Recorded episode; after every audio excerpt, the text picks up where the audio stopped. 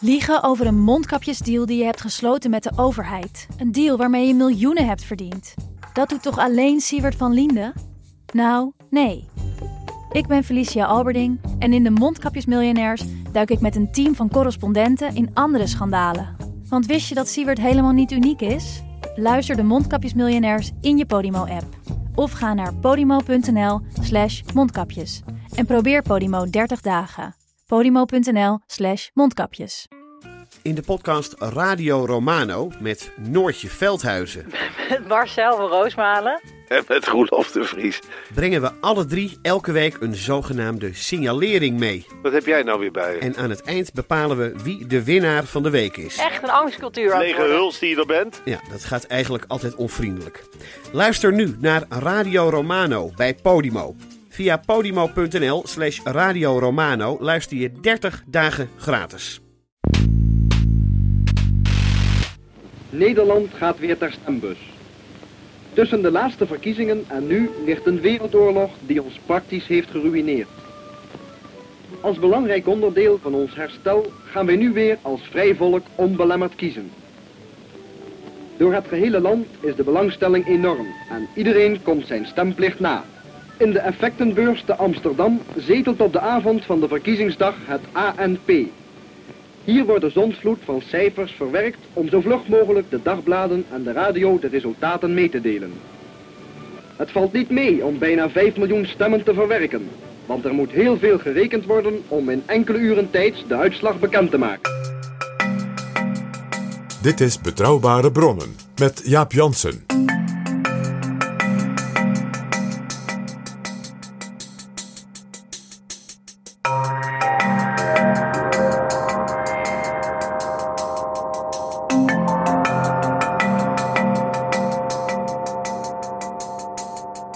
Hallo, welkom in Betrouwbare Bronnen, aflevering 157. De laatste aflevering van het jaar 2020. Welkom, PG. Dag Jaap, wat een jaar. Wat een jaar. Een jaar dat heel veel mensen eh, liever niet hadden doorgemaakt, denk ik, op deze manier. En dat een heleboel mensen ook niet snel zullen vergeten. Terwijl ze misschien aan andere dingen willen denken. En dan toch. En dat is vaak in de geschiedenis zo. Dat er jaren zijn waarvan mensen zeggen jongen, jongen, jongen, jongen. En toch vergeet je ze niet. Een jaar geleden bereiden wij ons voor op dat jaar 2020. En ja, het belangrijkste wat er dit jaar gebeurd is, daar hadden we geen weet van. Nee, en bijvoorbeeld een van de dingen die we toen als bijna feestelijk iets waar, we echt naar, waar ik zeker naar vooruit keek. Het Beethovenjaar, 250 jaar Ludwig van Beethoven, is natuurlijk ja, op een bepaalde manier natuurlijk volledig in het water gevallen. Alle mooie, bijzondere voorstellingen, concertenreeksen in de hele wereld en alle concertgebouwen. Ja, die, dat is allemaal niks geworden. Ja, en als je naar de Nederlandse politiek kijkt, al die grootste partijcongressen van al die verschillende partijen die het tegen elkaar gaan opnemen bij de verkiezingen van maart van het nieuwe jaar. Ja, die hebben ook allemaal plaatsgevonden op een hele vreemde manier. Soms wel in een hele grote zaal, maar dan stond de lijsttrekker ja, in, het, in het niets te praten in feite. En zo gaat er ook in 2021 van alles gebeuren waar wij nu totaal nog geen idee van hebben. En dat maakt het dus ook weer zo boeiend. En daarom, Jaap, dacht ik, net als in de laatste aflevering van 2019. Als wij nou eens samen vooruitkijken naar 2021, maar vanuit de historie. En dat je dus historische dingen die we in 2021 ja, herdenken, of wat je zegt van dat was toch een heel bijzonder iets. Dat je tegelijkertijd zegt, en dat zegt weer heel veel voor onze tijd. En is misschien wel actueler dan ooit. Dit is Betrouwbare Bronnen. Laten we, PG, eerst even kijken naar een paar dingen die met hele hoge waarschijnlijkheid zeker zullen gebeuren. Dingen met stip. Bijvoorbeeld, al heel snel, de inauguratie van Joe Biden als nieuwe president van de Verenigde Staten. Jij hoort natuurlijk de berichten nu al. Biden heeft ook al gezegd, hè, lieve Amerikanen, wees erbij, online. Maar we doen natuurlijk zonder publiek. Er staat dus niet een miljoen mensen te juichen op de mall. Hè, tot aan het Lincoln Monument. Ja, is dus voor het eerst zonder Vier jaar publiek. geleden had Donald Trump nog moeite om al die mensen te tellen. Het waren er zoveel. Meer dan ooit, volgens. Ja, Dat, Maar- dat was dus, zeggen we nu, Jaap, een signaal dat eigenlijk dat hele presidentschap van vier jaar heeft bepaald. De behoefte illusies te verkopen en mensen die nuchter daarnaar kijken, onmiddellijk zwart te maken. Dus dat was ook weer een moment waarvan je zegt, daar gaan we het misschien over 20, 25, 50 jaar toch weer over hebben.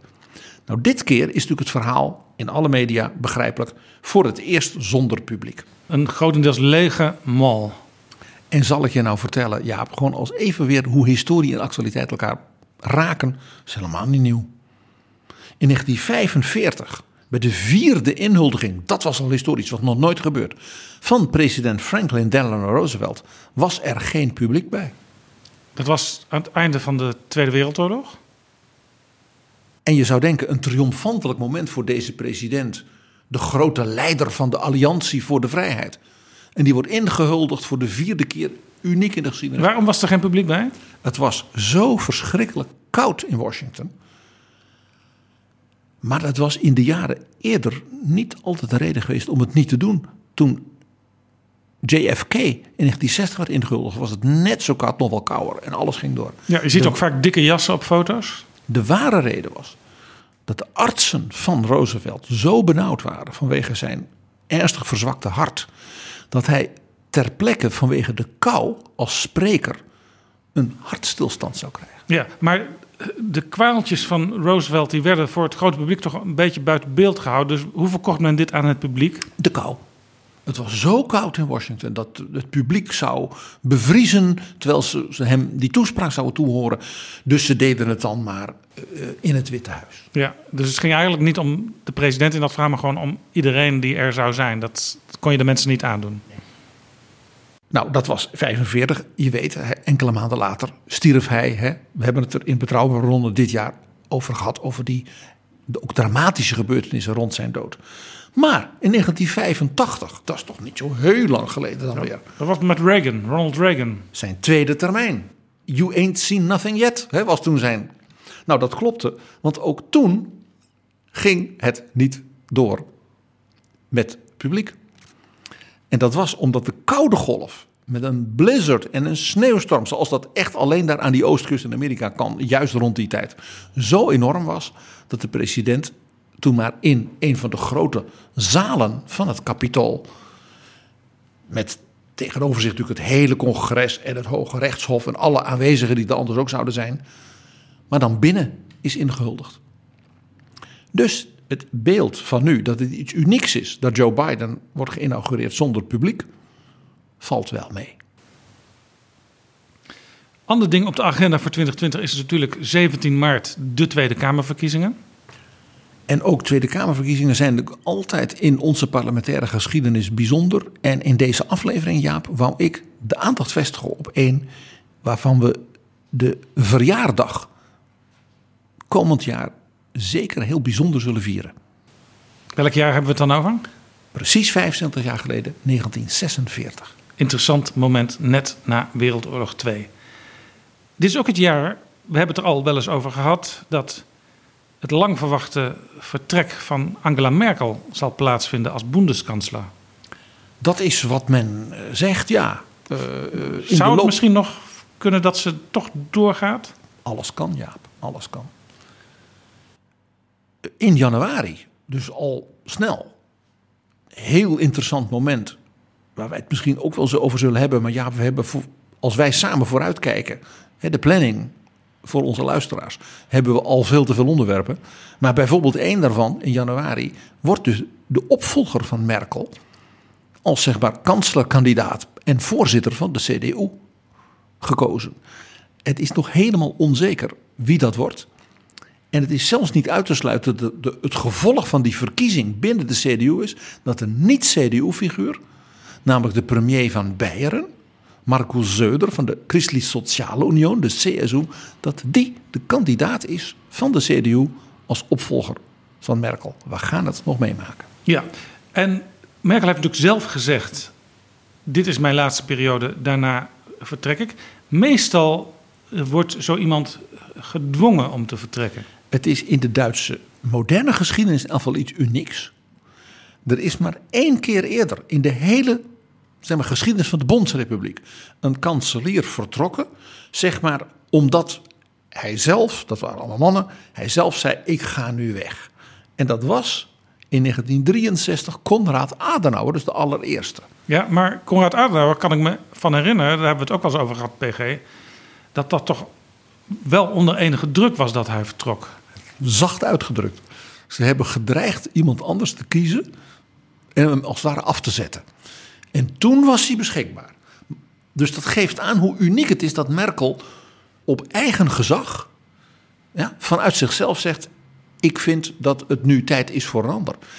Alle kansler na Adenauer, en zelfs al Adenauer zelf een beetje, jij wijst er terecht op, zijn of afgezet of hebben een smadelijke verkiezingsnederlaag geleden, waardoor ze niet meer verder konden.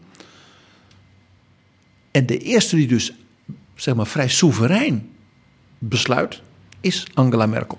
En in zekere zin, in het licht van de geschiedenis, ook van haar persoonlijke geschiedenis, past dat wel bij haar. PG, jij wilde ook nog iets bijzonders melden over het nieuwe jaar, waar jij al heel erg naar verlangt. Ja, en de luisteraars van Betrouwbare Bronnen kunnen niet verbaasd zijn als ik natuurlijk enthousiast verkondig dat in de loop van 2021 in delen, in stappen, het Humboldt Forum in Berlijn opengaat. En dat is natuurlijk het herbouwde koninklijk slot van Brandenburg-Pruisen. Wat dus nu wordt gewijd aan de gebroeders Alexander en Wilhelm van Humboldt. En hun werk als wetenschappers en als staatslieden voor belangstelling voor de hele wereld. Dus dat wordt een concentratie in dat herbouwde paleis van de bibliotheken, conferentiecentra en musea gewijd aan de cultuur buiten Europa en in de hele wereld. En ja, is er natuurlijk een, ja, een groter eerbewijs aan Alexander van Humboldt in het bijzonder. Het is een paleis, maar de architectuur is tamelijk recht toe recht aan. Het is een heel groot gebouw, maar wel een heel strak gebouw. Ja, het heeft, men heeft dus een moderne Italiaanse architect gevraagd... precies zeg maar, op de millimeter het gebouw te herbouwen. Men heeft dus restanten van de oude architectuur in de façade weer verwerkt. En men heeft de, de beroemde koepel en, de binnen, en het binnenhof, het zogenaamde Eosanderhof, genoemd naar de architect uit de 18e eeuw, heeft men herbouwd. Binnen is het dus helemaal modern, met dus ook de modernste Duitse uh, museumtechnologie om dingen te laten zien. Dus dat wordt ongelooflijk mooi. En wat mij natuurlijk zeer aanspreekt, en ik hoop ook onze luisteraars, is dat de twee broers, Alexander en Wilhelm van Humboldt, als daar hun eigen soort museumpje krijgen waarin hun leven en de betekenis daarvan uh, in het bijzonder natuurlijk wordt uitgelicht voor de generaties van nu. Om een citaat van Alexander van Humboldt in dit verband, wat helemaal past, zowel bij betrouwbare bronnen als bij zijn werk. Ideeën kunnen nur nützen, wenn sie in vielen Köpfen lebendig werden. Laten we hopen dat het echt geopend gaat worden, dat museum. Want ik las deze week in Bildzeitung dat de inentingen in Duitsland van de mensen onder de 60 jaar, die dus verder geen indicatie hebben om snel ingeënt te worden, dat die pas in december 2021 beginnen. Daarom dus ook dat die planning heel bewust is gedurende het jaar. Men is vorige week begonnen met een soort online opening. Dus dan kun je al alles bekijken wat er gaat komen. Er komen rondleidingen waarschijnlijk voor bezoekers in de loop van het voorjaar. Uh, die musea worden natuurlijk al helemaal ingericht. Allemaal heel kwetsbare uh, collecties, zelfs van Alexander van Humboldt zelf uit de hele wereld. Uh, etnografische collecties. en worden dan natuurlijk helemaal ingericht. Dus die gaan waarschijnlijk laat in de zomer, september open. En het zou dus kunnen dat je op een wachtlijst komt te staan als je daar heel graag naartoe wil. En dus nog niet helemaal zeker is of je er dan dit jaar al wel terecht kunt. Ja, en ik zou bijna zeggen, Jaap, wij organiseren desnoods een bustour voor onze luisteraars naar het Humboldt Forum. Ook wel de, de, die, die, die, die aandacht voor het werk van de Humboldts voor een heel groot internationaal publiek, dat past heel erg bij het leven van deze twee broers. En zeker bij Alexander. Toen hij in 1827, toen was hij al in de 50, terugkwam na zijn vele reizen en, onderzoek in de hele wereld in Berlijn. En ook daar weer kwam wonen. Toen heeft hij op 16 bijeenkomsten in de Zingacademie, dus dat was eigenlijk het concertgebouw van het conservatorium, dat was de grootste zaal, heeft hij lezingen gehouden. 16 lezingen, er waren duizend mensen kwamen daar. En het interessante was vooral ook veel vrouwen. Die konden in die tijd niet studeren. Maar vrouwen die ja, intelligent waren, die veel hadden geleerd, die konden dus van deze, het grootste genie van zijn tijd en misschien wel van de Duitse geschiedenis, dus horen hoe hij keek na 50 jaar wetenschappelijk onderzoek naar de wereld. Hij sprak, zo weten wij uit die tijd, zonder aantekeningen. Dus hij begon te vertellen over zijn grote reizen, zijn ontdekkingen, hoe hij als het ware het heelal bekeek. En die lezingen waren dan weer de basis voor zijn latere wereldberoemde werk in vijf delen. Kosmos, een totaalbeeld van natuur, wereld en heelal. En het grappige was, Van Humboldt begon dus terug in Berlijn met lezingen voor een enorm publiek. Ook voor vrouwen, voor jongeren en heel interessant. De koning en de kroonprins kwamen alle twee naar al die lezingen luisteren. En zijn de broers van Humboldt ook in dat gebouw geweest in hun tijd? Natuurlijk. Dat was het koninklijk paleis van de koning en van de kroonprins. En de koning heeft zelfs aan Humboldt gevraagd, Alexander van Humboldt, de kroonprins te begeleiden op zijn tour door Europa. Om dus alle oudheden in Griekenland en Rome, wat in die tijd de jongens van adel deden. Dan moest hij natuurlijk wel de beste leraar hebben. Dat was Alexander van Humboldt. Wie anders? PG, wij gaan, uh, je noemde het al even in de introductie, in de Nederlandse geschiedenis kijken. 1946, dat is dus komend jaar 75 jaar geleden, dat er voor het eerst na de bezetting weer vrije Tweede Kamerverkiezingen waren. Dat was natuurlijk voor Nederland als democratische samenleving, als rechtsstaat, natuurlijk een ongelooflijk belangrijk moment. Betekent overigens niet dat er dus geen Tweede Kamer was geweest na de bevrijding. Na de bevrijding heeft men de oude Tweede Kamer, voor zover die mensen nog leefden en voor zover ze in de oorlog niet fout waren geweest, uh, hersteld. Ja, ik herinner me een foto, dat waren ongeveer de helft van het aantal leden aanwezig.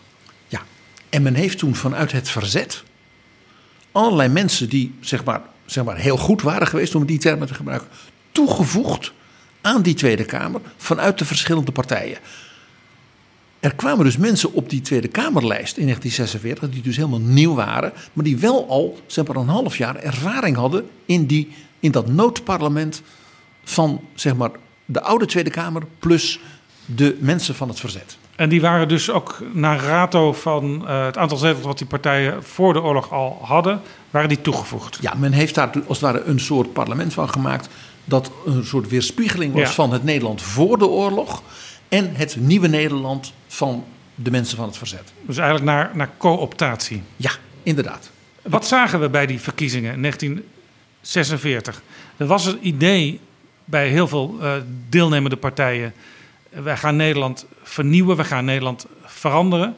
Er werden ook een aantal partijen nieuw opgericht, uh, of bestaande partijen die kregen een nieuwe naam. Had dat veel effect? Ja, de verwachtingen waren bij sommigen, eh, zeker ook in de zeg maar, politiek-maatschappelijke elite, zeer hoog gespannen. Uh, het idee was toch ook. Men had de, de, de, de nationale volksbeweging. Dat er een soort partijstructuur zou ontstaan voorbij de verzuiling. Er was ook het idee dat de oude partijen van voor de oorlog zeg maar, in discrediet waren geweest. doordat de crisis natuurlijk heel zwaar had toegeslagen. En dat men bijvoorbeeld de defensie had verwaarloosd. En dat daardoor natuurlijk de naties eh, Nederland zo makkelijk hadden kunnen innemen. Nou, kortom, het idee was ook door dat het verzet als het ware als een soort moreel appel op de samenleving zou doen. Er zou een heel nieuw idealistisch Nederland komen. Bijna antipolitiek. En ook heel interessant, het idee was ook wel een, zeg maar, een vrij autoritair Nederland. Dat van bovenaf ja, zou worden uh, bestuurd. Waarbij bijvoorbeeld ook koningin Wilhelmina allerlei ja, ideeën had van wat zij noemde de vernieuwing. Die toch eigenlijk niet heel democratisch waren. Ja, het was zelfs zo dat uh, haar adjudant prins Bernhard eigenlijk vond dat dat parlement nauwelijks nog een, een rol had te spelen in het nieuwe Nederland. Nou ja, dat dus de partijen van vroeger zouden, zouden door de bevolking wel terzijde worden geschoven. En met de idealisten en de mensen uit het verzet onder leiding van Oranje, zoals men dat noemde, zou er als het ware een soort ja, vernieuwd Nederland komen. En toen gingen de mensen naar de stembus. En de uitslag was voor de mensen die ja, een soort vernieuwing wilden, een bittere teleurstelling. Welke mensen wilden vernieuwing? Want uh, partijen die toen in de Kamer kwamen waren de Katholieke Volkspartij. Nou, dat was een nieuwe naam voor de Rooms-Katholieke Staatspartij. En die won zelfs. Dus de katholieke zuil, die kwam versterkt uit die verkiezingen. Uh, wie ook uh, het, het, het redelijk deed ten opzichte van de verkiezingen. De laatste verkiezingen van 1937, hè, dus dat was negen jaar daarvoor, was de toen vrij kleine uh, liberale staatspartij. Die, die heette nu de Partij van de Vrijheid. Ja, Partij van de Vrijheid, niet te verwarren met de Partij voor de Vrijheid die we tegenwoordig kennen. En die ging van zeg maar 4 naar 6,5 procent. Ja, dat waren dus eigenlijk twee partijen die uit de verzuiling uh, voortkwamen. Hoewel liberalen altijd vonden dat zij eigenlijk buiten die verzuiling stonden. Maar ook de typische zeg maar, zuilenpartijen op, in protestant Nederland.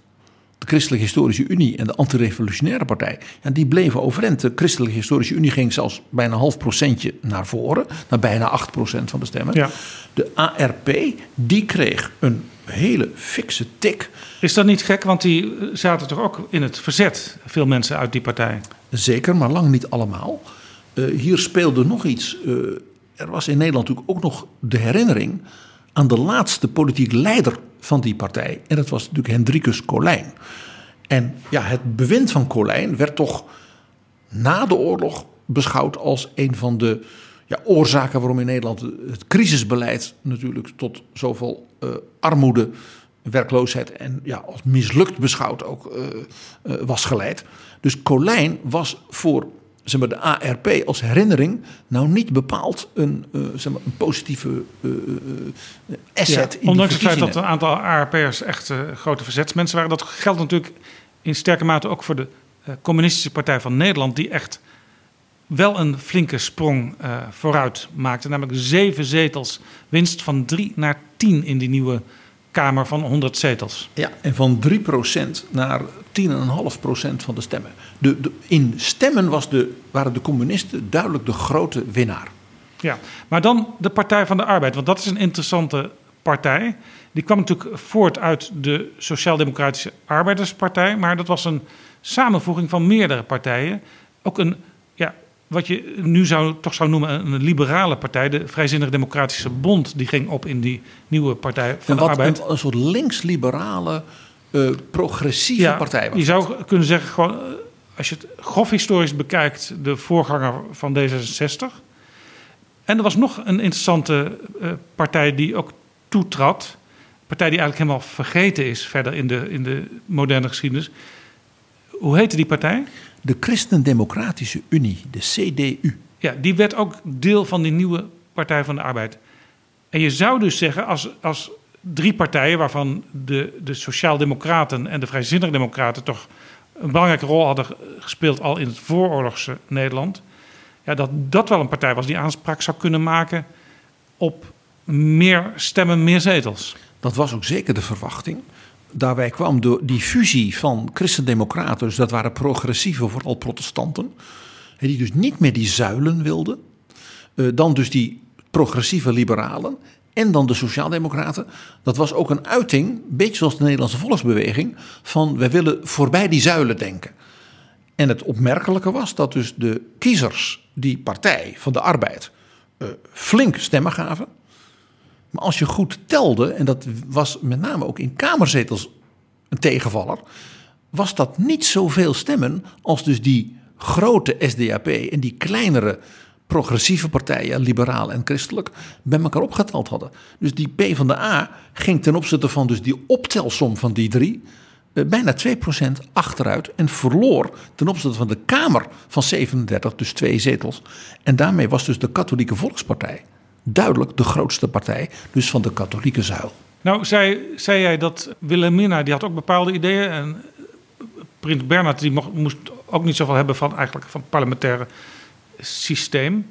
Hadden zij dan nog zich op bepaalde partijen verheugd dat die misschien groter zouden worden? Of kun je dat zo niet zeggen?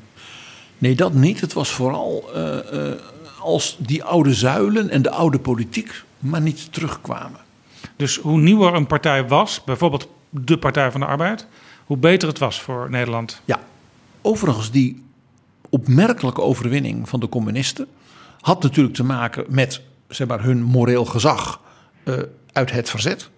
En natuurlijk ook toch met het idee uh, van dat met Stalin, ja, de grote militaire uh, bedwinger hè, aan het oostfront van het nationaal socialisme was geweest. En ook dat Stalin voor een soort nieuw progressief, ja, op de gewone man voortbouwend Europa zou staan. Ja, wat ik altijd ook interessant heb gevonden bij de persoon Prins Bernhard is dat hij ook uh, persoonlijk goede band had met een aantal communistische leiders uit die tijd. Heel lang heeft hij dat ook gehouden. Dat is heel opvallend. Overigens, nog weer, altijd kijk ook Europees. Uh, die goede uitslag van de CPN in Nederland was in het licht van de strategie van Stalin om via de stembus in heel Europa, als het ware, een greep te krijgen op dat nieuwe West-Europa, een enorme tegenvaller. Want 10% was bepaald niet uh, wat zeg maar, goed te vergelijken was met bijvoorbeeld Italië en in Frankrijk, waar de communisten soms de grootste partij werden. Wel niet de meerderheid, maar bijvoorbeeld met 30, 35 procent groter dan de Sociaaldemocraten en voor de middenpartijen. Dus in dat opzicht was de CPN meteen een tegenvaller voor het Kremlin, om het maar zo te zeggen. Ja. Ook wel interessant, waar was nou die CPN sterk? Nou, dat was in Groningen, in Noord-Holland, Amsterdam en zeg maar de omgeving van Amsterdam. En heel interessant in de Noordoostpolder. Dus de nieuwe drooggelegde gebieden met een nieuwe bevolking. Maar kun je ook zeggen dat het dan vooral uh, landarbeiders waren die bij die CPN gingen? Uh, het was voor een deel inderdaad ook het platteland. Uh, zeg maar de, de dagloners, hè, zoals ook in Groningen. en dus mensen in de klassieke, sterke, georganiseerde industrie. en intellectuelen en dergelijke, wat je in Amsterdam en omgeving had. Opvallend zwak. Hè, daardoor dat de CPN dus bijna 11%, maar toch niet die uitslag als in Italië en Frankrijk kwam doordat ze niet goed uit de stembus kwamen in bijvoorbeeld Gelderland, Zeeland en Brabant en Limburg. Dus eigenlijk ja. zuid van de rivieren en in zeg maar het Heartland protestant Nederland van de Veluwe en van Zeeland, daar kwam de CPN niet aan de bak. Dus de mijnstreek in Limburg had geen extra appel op mensen om communistisch te stemmen? Nee, Nee, daar, daar scoorden toch de katholieken en een klein beetje ook wel de sociaaldemocraten, uh, maar ver daarboven. Mag ik van één iemand even, die toch wel echt in Nederland geschiedenis schreef, een vrouw die in 46 dus voor het eerst gekozen werd als Kamerlid, hoewel ze wel al dus in de Tweede Kamer zat, omdat ze als vrouw uit het verzet meteen uh, in, die, zeg maar, in dat noodparlement kwam. En het bijzondere was, dat was een vrouw van adel, die ook nog zeer nauw verbonden was met de Oranjes. En met name zeg maar, met Juliana en haar gezin. En dat was iemand die ja, in Nederland bekend stond als de Freule. En zij kwam dus uh, als relatief jonge vrouw in 1946 vanuit het verzet op de kieslijst van de Christelijke Historische Unie. En werd toen Tweede Kamerlid. Ja, interessant, want vrouwen speelden toen een vrij geringe rol in het politieke leven. En de Christelijke Historische Unie was ja, een conservatieve partij, maar toch een belangrijke rol voor deze frulle. Ja, hoe spreek je haar naam eigenlijk uit? Want er staat Wutewel, dus je zou zeggen Wittewel, maar je, hoort ook wel Utewel. Ja, vaak werd Wittewel gezegd, dat was toch echt Utewel. En zij werd door iedereen ook door haar collega's in haar werk. Ze was dus een hele actieve vrouw. Ze had een baan zoals secretaris van allerlei clubs uh, geweest, ook voor de oorlog. En daardoor in de oorlog zeer actief, ook organisatorisch in het verzet. En ze werd door iedereen Bob genoemd. Ze heette, dat weet bijna niemand, dat was zo leuk om te zien. Ze heette Christine, wat toch een hele keurige adellijke meisjesnaam is. Maar niemand noemde haar Christine. Ik denk dat ook heel weinig mensen wisten dat ze Christine heette, want ze werd door iedereen Bob genoemd. Ja, ze was klein van stuk, dacht ik. Ja, zeker. Een meter, nou 60 nog niet, denk ik? Nauwelijks, nauwelijks. Uh, en ze had ook een onmiskenbaar aristocratisch, uh, uh, wat chic accent. Maar het was een vrouw met een heel eigen karakter. Ze, ze, was, laat ik zeggen, niet makkelijk in fractiediscipline, zal ik maar zeggen. En ze had dus een, een hele ja, onbekommerde blik op de samenleving. Misschien ook wel omdat ze uit zo'n heel apart milieu kwam. ze was dus en een hele gelovige vrouw, maar ze kwam ook uit de aristocratie. En ze was dus een werkende vrouw geweest, ja, met allerlei banen. Een beetje CEO-achtige banen in allerlei maatschappelijke organisaties, al voor de oorlog. Dus ze was in alle opzichten, in elk milieu waar ze zat, was ze een beetje een buitenbeentje altijd geweest. En dan ook nog een vriendin van Juliana. En dus heel actief ook betrokken bij dat gezin met die prinsesjes. Ja, want er dat was voor een Kamerlid natuurlijk ook heel Er zijn ook foto's van, van feestjes op Soesdijk... waar zij gewoon als een soort lid van de familie bij zit. Ja. En uh, wel leuk, uh, iedereen noemde haar dus Bob. Maar de prinsesjes vonden dat blijkbaar wel een moeilijke naam. Dus die noemden haar Tante Bol. Misschien ook wel omdat ze een beetje uitzag als een propje. Het, ze had ook wat. Ja, ze, ze, was een beetje een klein, klein dametje, ja.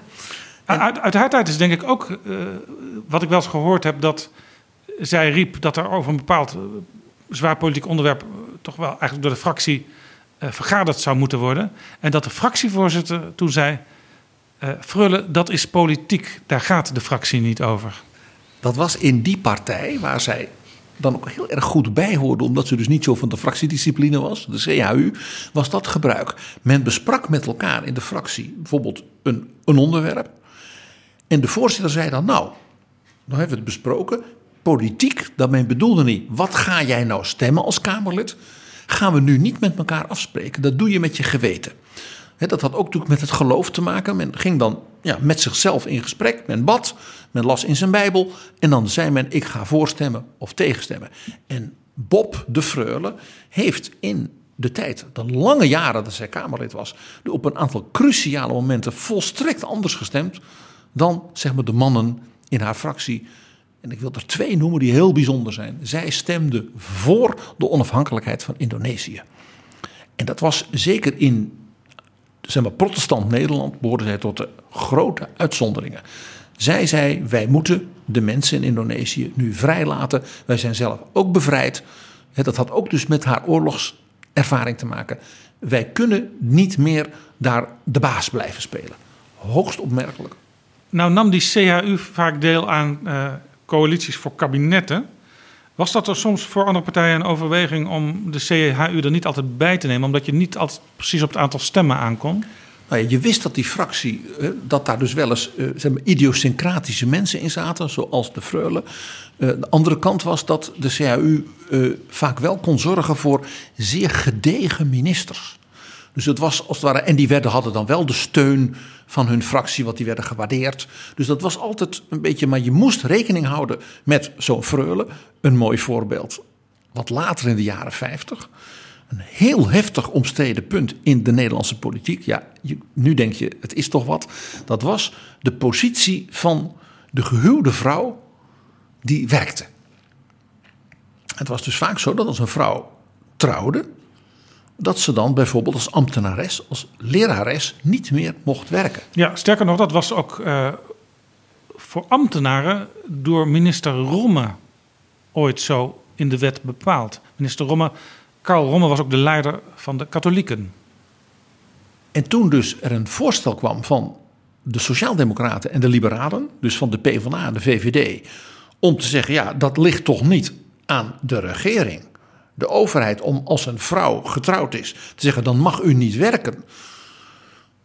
Toen kwam dat dus in de Tweede Kamer. Dus dat was echt een, een, een strijdpunt tussen zeg maar, de behoudende, ook christelijken, en ook delen van de vakbonden. Die zeiden, de werkende vrouw, hè, die dus in de fabriek moet... Ja, het is beter dat zij als moeder voor de kinderen zorgt. Dat speelde ook in de vakbonden zeker. Ja, en de vakbonden zeiden daar ook bij... Wij hebben niet voor niets ervoor gezorgd dat de man een volledig gezinsinkomen krijgt. En dus niet dat de vrouw ook nog moet werken om de armoede te bestrijden. Exact. En je raadt het al, welk christelijk Kamerlid zei: Ik ben het gewoon eens met die rooien en de liberalen dat de overheid helemaal er niet over gaat. Of je als vrouw, getrouwd of niet, een baan hebt. Dat was Tante Bob. Dat was Tante Bob. Die natuurlijk al voor de oorlog dus allerlei ja, leidinggevende functies had gehad. Was dat de reden dat ze ook wel eens de Rode Freule werd genoemd? En daarom werd ze ook de Rode Freule genoemd. En haar fractieleider, Tilanus, heeft toen, dat weten we, natuurlijk niet in de fractievergadering, maar na de fractievergadering, haar bestraffend toegesproken. Want hij vond toch eigenlijk dat ze op dit principiële punt de, de lijn van de partij moest volgen. Dus zijn lijn. En toen zei tante Bob, dan sturen ze me maar weg. Wat natuurlijk nooit gebeurde, want ze had natuurlijk een enorm ook gezag als persoonlijkheid. En er waren natuurlijk ook heel veel mensen, eh, ook binnen christelijk Nederland, die zo'n vrouw eigenlijk wel leuk vonden. Die wat progressiever dacht, die wat openingen ook mogelijk maakte. En op een heleboel andere punten was zij ook een klassieke conservatief. Op allerlei sociaal terrein. Zij zou ook een interessante gast zijn geweest voor betrouwbare bronnen. Als, eh, als wij er toen al waren of als zij er nu nog zou zijn. Uh, Jaap, jij zou hebben genoten van haar. En we, we kennen haar natuurlijk, jij weet dat ook. Zij heeft natuurlijk in zeer populair cabaret in Nederland. En dat was een jaar voor haar vertrek uit de Tweede Kamer. Namelijk bij de verkiezingen van 1971. Maar in 1970 was de Freule, ze was toen al een begrip in Nederland. Toen werd ze ook nog een cabaretbegrip. Ja, want je had toen een televisieprogramma van de NCRV, Vars Majeur. Uh, dat was voor de NCRV, de Nederlandse Christelijke Radiovereniging, best soms een wat gewaagd programma. Want uh, de makers die waren ook relatief wat progressiever, denk ik, dan de gemiddelde, het gemiddelde NCRV-lid. Nou, het hele idee van cabaret met liedjes en sketches en zo was in die tijd, eh, dat was iets hips, ja. Want bijvoorbeeld een van de makers was Alexander Pola. En die was in de begintijd van de VVD was hij ook nog wel daar af en toe als tekstschrijver bij betrokken. Ik denk dat hij later wat linkser eh, is gaan stemmen. Maar die hadden op een gegeven moment ook een, een die noemden heel vaak ook de freule. Als je oude opnames van uh, tegenkomt, dan wordt er vaak aan de freule gerefereerd. Dus dat is ook zoals ik als klein jongetje op pad van de freule kwam. In de zin van, oh, er is blijkbaar iemand die zo heet in de Tweede Kamer. En die iets heel aparts had, die een heel eigen ja, klankkleur. Ja, en zij riep op een gegeven moment ook uh, tijdens een debat dat de nacht dreigde in te gaan.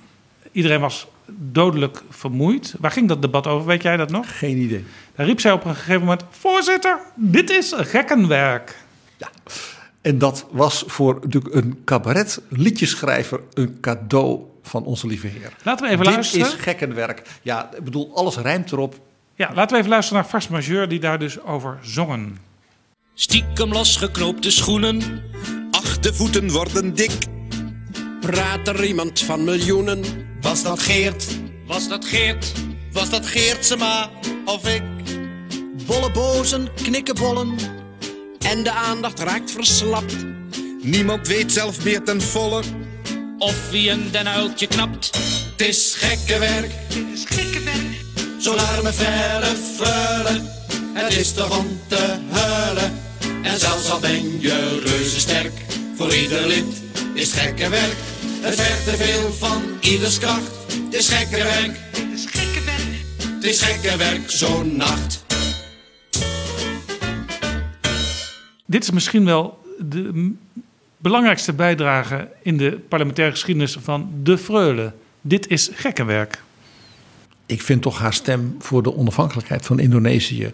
vanuit het oogpunt van ook onze geschiedenis. dat ze dat als vrouw uit die CHU gewoon deed. net iets belangrijker, Jaap. Maar dit heeft, dit heeft haar natuurlijk wel. Ja, letterlijk tot de dag van vandaag. En 1971, dus dat is nu precies 50 jaar geleden, het komend jaar. Uh, heeft het haar dus een icoon gemaakt. Ja, zij vertrok uit de politiek. En in het jaar 1971 gebeurde nog iets belangrijks. En nu gaan we echt naar de progressieve kant van het spectrum. Want het schaduwkabinet Den Uyl kwam op het toneel. En dat was iets nieuws. Dat was eigenlijk iets wat in andere landen heel gebruikelijk was. Hè? Als je uh, de verkiezingen won in een ander land, had je vaak ook meteen meer dan de helft van de zetels. Dus dan kon je ook echt je mensen neerzetten die je van tevoren al beloofd had aan de kiezer. De term schaduwkabinet kwam natuurlijk rechtstreeks uit Engeland. Dat was de shadow cabinet. Hè? Er zat een kabinet en dan op de andere kant in het House of Commons. Daar zaten dus de woordvoerders op de grote terreinen van de andere partij, Labour of de Tories. En dat was de shadow cabinet. In Duitsland had je dat ook. Dan had je dus de CDU-regeringen. De SPD had als het ware een compleet ook hè, schattenkabinet Ja. van mensen die het zo konden overnemen. En we zagen net dat de Partij van de Arbeid in 1946 als nieuwe partij dus eh, lang niet zoveel succes had als men wel gehoopt had. Eh, eigenlijk wilden ze in 1971 een nieuwe poging gaan doen om met politieke vernieuwing ja, snel zetelvermeerdering te krijgen. De Partij van de Arbeid die ging toen samen met de nieuwe partij D66 en de nieuwe partij PPR, een afsplitsing zou je kunnen zeggen van de Katholieke Volkspartij. Voor een deel ook mensen van de AR zaten erin, bijvoorbeeld eh, de, de jonge de Guy Fortman, Bas. Eh, in die combinatie met z'n drieën, en op lokaal niveau zat er soms ook nog de PSP bij, wilden zij een alternatief gaan bieden aan zeg maar, de, de rechterkant van de politiek, aan de christelijke partijen plus de VVD, die vaak ook samen kabinetten vormden. Dus ze zeiden, wij gaan een schaduwkabinet presenteren. Ja, dus ze kwamen naar de kiezer. Niet alleen met lijsten voor partijen, maar als het ware al met een compleet ingevulde kabinetsformatie.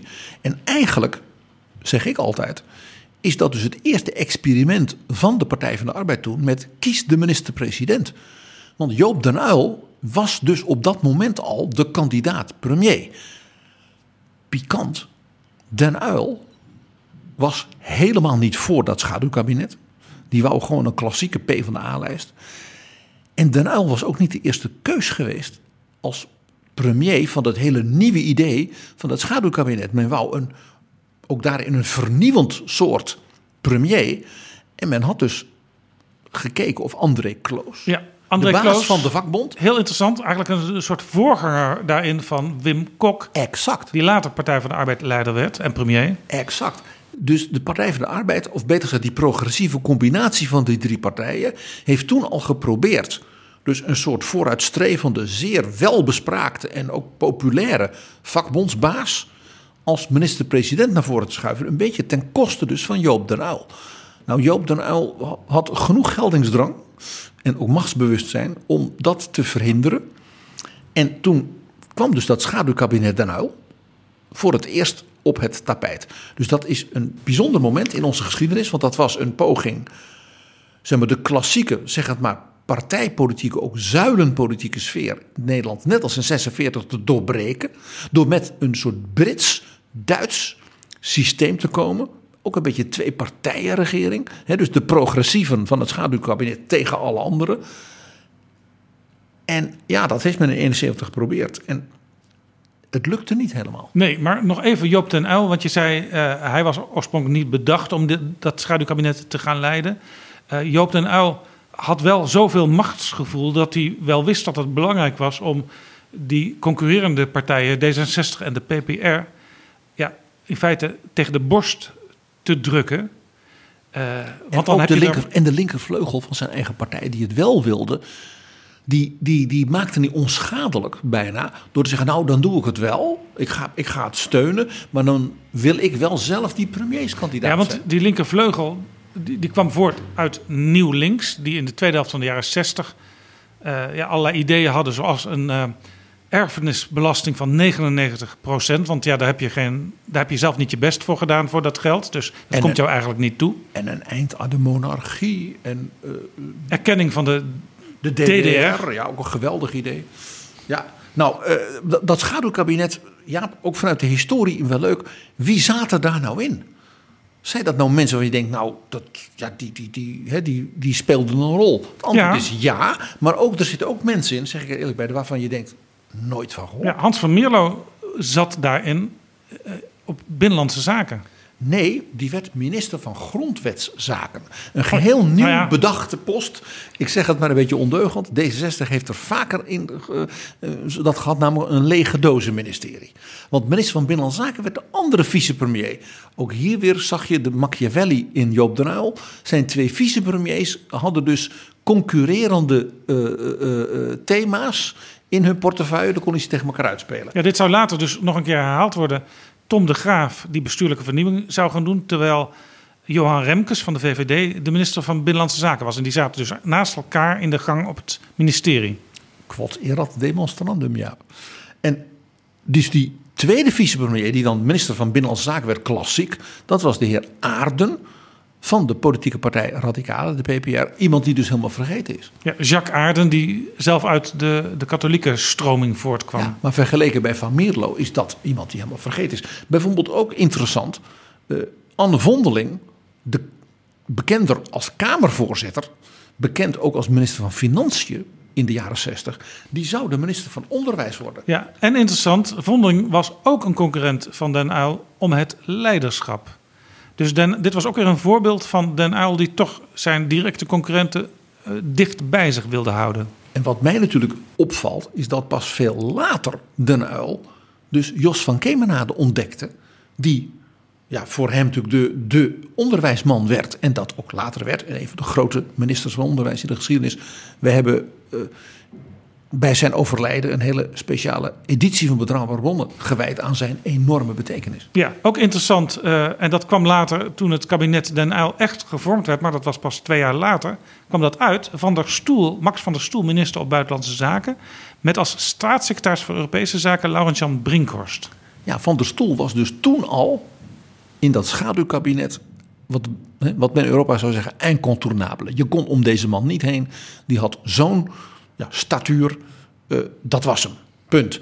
Ook als, al was het zo dat hij in zijn eigen partij soms een beetje een uitzondering was, een, een bepaald geen populaire linkse figuur. Wie ook interessant is, vind ik, de tegenhanger en veel linkser en klassieker PvdA was de minister van Defensie. Dat was Jaap Burger. Dat was weer een echte PvdA, een SDAP'er van de oude stempel. Fractieleider ook geweest in de, in, in de Kamer. En later natuurlijk de informateur die dat kabinet Den Uyl uiteindelijk gemaakt heeft. Ja, en interessant, hij kwam dus niet op defensie in het eh, kabinet Den Uyl twee jaar later. Want daar kwam Henk Vredeling van de Partij van de Arbeid, die in het schaduwkabinet nog genoteerd stond voor landbouw. En dat was, als je naar zijn achtergrond keek, ook logischer. Laten we nu omheen draaien. Iedereen weet dat Henk Vredeling, die ministerspost van Defensie, dat hij dat helemaal niks vond. En hij heeft, eh, laat ik zeggen, ook heel veel laat ik zeggen, opmerkelijke geschiedenis geschreven als minister van Defensie. Eh, niet in het minst natuurlijk, eh, omdat hij de minister van Defensie was tijdens wiens bewind de Lockheed-affaire speelde. En nou ja, we weten dat hij vond dat prins Bernhard gewoon het land uitgeschopt moest worden. Ja, Zo gaan nog die dingen. interessante naam die toen verder geen rol meer speelde, maar later nog wel heel eventjes. Op CRM stond eh, gepland in dat schaduwkabinet Max Rood van D66. En die kwam pas veel later, namelijk in 1981, terug. Toen het tweede kabinet van acht al snel gevallen was. En de Partij van de Arbeid vertrok. En het CDA met D66 doorging. En Ed van Tijn van de Partij van de Arbeid op Binnenlandse Zaken toen door diezelfde Max Rood werd opgevolgd. Dat was dus precies tien jaar later. Ja, ook nog interessant. Sommige mensen heb je helemaal nooit meer iets gehoord. Er was ook nog een Rob Haaier. En die noem ik, want die zou staatssecretaris worden voor een wel heel typische portefeuille. Namelijk vorming en werkende jongeren. Kijk, dat waren nog eens tijden. Eh, wat mij ook opviel was de minister van Financiën, dus de, ja, de belangrijkste man in het kabinet hè, voor het totaal naast de premier. Dat was dus niet Wim Duisenberg. Net als Jos van Kemenade is dat ook zo iemand die dus in die twee jaar daarna door Den Uyl als het ware werd ontdekt als toptalent en naar zich toe gehaald. Want de minister van Financiën van dat schaduwkabinet zou Rob van den Berg zijn, een Kamerlid. En ook weer zo iemand, ja, die is dus vergeten. Een beetje net als Jacques Aarden. Nou, dat schaduwkabinet, ik zei het al, Joop den Uyl stiekem vond hij het niks. Eh, maar het moest. Eh, de verkiezingen werden gehouden, ik geloof in april. Uh, en ehm, dat schaduwkabinet, uh, dat is in juli, begin juli al ontbonden door Den Uil. Die zei, ja, het gaat niet door, er komt een ander kabinet. Dus we gaan dat schaduwkabinet ook maar meteen stoppen. Dan kwam, hij heeft het gedumpt zodra dat kon. Toen, een jaar later, kwamen er opnieuw verkiezingen die uiteindelijk leidden tot dat fameuze kabinet Den Uyl.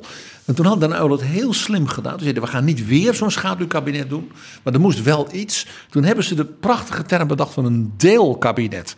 Dus toen hadden ze per beleidsterrein, ik noem maar eens wat, welzijn, bestuur, financiën, buitenland, hadden ze dan een aantal namen die dan eventueel minister of staatssecretaris zouden Ja, dus er kon nog mee geschoven worden. Den dat, was geen harde belofte. Den Uyl had weer zijn zin. Hij kon een beetje wielen en dealen. En als het puntje bepaaltje kwam, wat Den Uyl maar, deed, was een partij als D66, en zoals Van Mierlo zei, het pistool op de borst zetten en ze dan gewoon dwingen te doen wat Joop wilde. Maar wat in dat jaar wel heel belangrijk was, was het uh, programma, wat wel een gezamenlijk verkiezingsprogramma van diezelfde partij was, namelijk Keerpunt 1972. En dat leidde in de kabinetsformatie. Uh, tot veel gedoe. Want de houding van die drie progressieve partijen naar de Christen-Democraten was: jullie mogen aanschuiven, maar ons programma is wel het fundament van deze nieuwe regering. Ja, de gedachte was heel democratisch. En, en, en echt dat je, dat je vertrouwen in je partner uitstraalt door te zeggen: je mag alles doen als je maar doet wat wij willen. Het grappige is dat die houding dus overeenkwam met de houding van bijvoorbeeld Den Uyl naar Van Mierlo. Met wat Van Mierlo zei, ik kreeg het pistool op de borst. Dat is dus onderdeel geweest van die cultuur, we hebben het er vaker over gehad, de cultuur van polarisatie van de jaren zeventig. Waarbij de gedachte was dat als je ook met zo'n schaduwkabinet een soort zwart-wit tegenstelling zou maken in de politiek. Dat dat zou leiden tot helderheid en tot uh, democratische vernieuwing. Overigens, het pistool op de borst is, heeft toch een andere oorsprong, maar daar gaan we het binnenkort ongetwijfeld over hebben met Hubert Smeets, die de biografie van Hans van Mierlo heeft geschreven, die binnenkort gepubliceerd wordt. Eh, want wat ik me herinner van de uitspraak van Van Mierlo met het pistool op de borst zou ik voor de Partij van de Arbeid kiezen. Dat zei hij op een uh, debatavond waar vanuit de zaal een vraag werd gesteld. Ik meen door Rudolf de Korte, die ook uh, ik weet niet of hij dat toen al was, maar in ieder geval later campagneleider van de VVD zou zijn. En die stelde die vraag, meneer Van Meerlo, ja, u, u, u, u zabbert wat. Zegt nou wel van alles, maar als u nou echt uh, zou moeten kiezen, waar zou u dan voor kiezen? Voor welke voor samenwerking met welke partij? Toen zei Van Mierlo, ja, met het pistool op de borst zou ik voor de Partij van de Arbeid kiezen. En dat is dus onderdeel van wat ik net schetste, die polarisatietijd. Je kon alleen dit zijn of dat. Je kon dus of voor de VVD kiezen of voor de Partij van de Arbeid. Ja, en, dan moest je je ook overleveren. Dat was wat Den Uyl dan natuurlijk heel handig met dat pistool in de hand. Hè, tegen die borstkas van, van Mierlo natuurlijk wel. Ja, en dit was ook uit verzet van zowel uh, de linksere partijen als de VVD tegenover de Christen-Democraten, die later het CDA zouden vormen. Zo van, zij zitten altijd comfortabel in die fauteuil in het midden. En zij bepalen altijd of links mag aanschuiven of rechts mag aanschuiven. En dat laten we ons niet meer gebeuren. De lood om oud ijzer theorie van de ARP-minister van Sociale Zaken, Bouke Rolvink. Zo zijn we weer, en dat is ook allemaal in die tijd van precies 50 jaar geleden, 1971. Dat jaar was dus op allerlei punten, dat blijkt al uit dit verhaal rondom dat schaduwkabinet zo'n sleutelmoment in onze politieke geschiedenis. En dat blijkt uit nog drie feiten van datzelfde politieke jaar. En dat eerste is natuurlijk dat de VVD, een toch wat brave, mag ik zeggen, burgerlijke, uh, uh, beetje rijke mensen- en wassenaarpartij, er een heel ander soort aanvoerder kwam ja, in de Tweede Kamer. De, de, de aanvoerder tot dan eigenlijk van de VVD was de burgemeester van Wassenaar, Molly Geertsema. En je had mensen als Toxopeus. En uh, je had natuurlijk uh, Harm van Riel. Je had Vonhof. Dat waren toch allemaal heren van stand. Ja, het leuke was, ik heb eens een, een reportage, ik denk van de, van de VPRO gezien over Geertsema. Die dan gewoon vanuit zijn burgemeestershuis in uh, Wassenaar zat te bellen met allemaal collega's en zo. En nou ja, misschien twee middagen in de week ging hij ook eens naar de Tweede Kamer om daar eh, wat, wat zaken te doen. Maar het Kamerlidmaatschap was toen nog geen fulltime baan zoals nu. Dus je kon er van alles bij doen. Althans, hij deed dat. Er waren ook in die tijd mensen die van het Kamerlidmaatschap een fulltime baan maakten.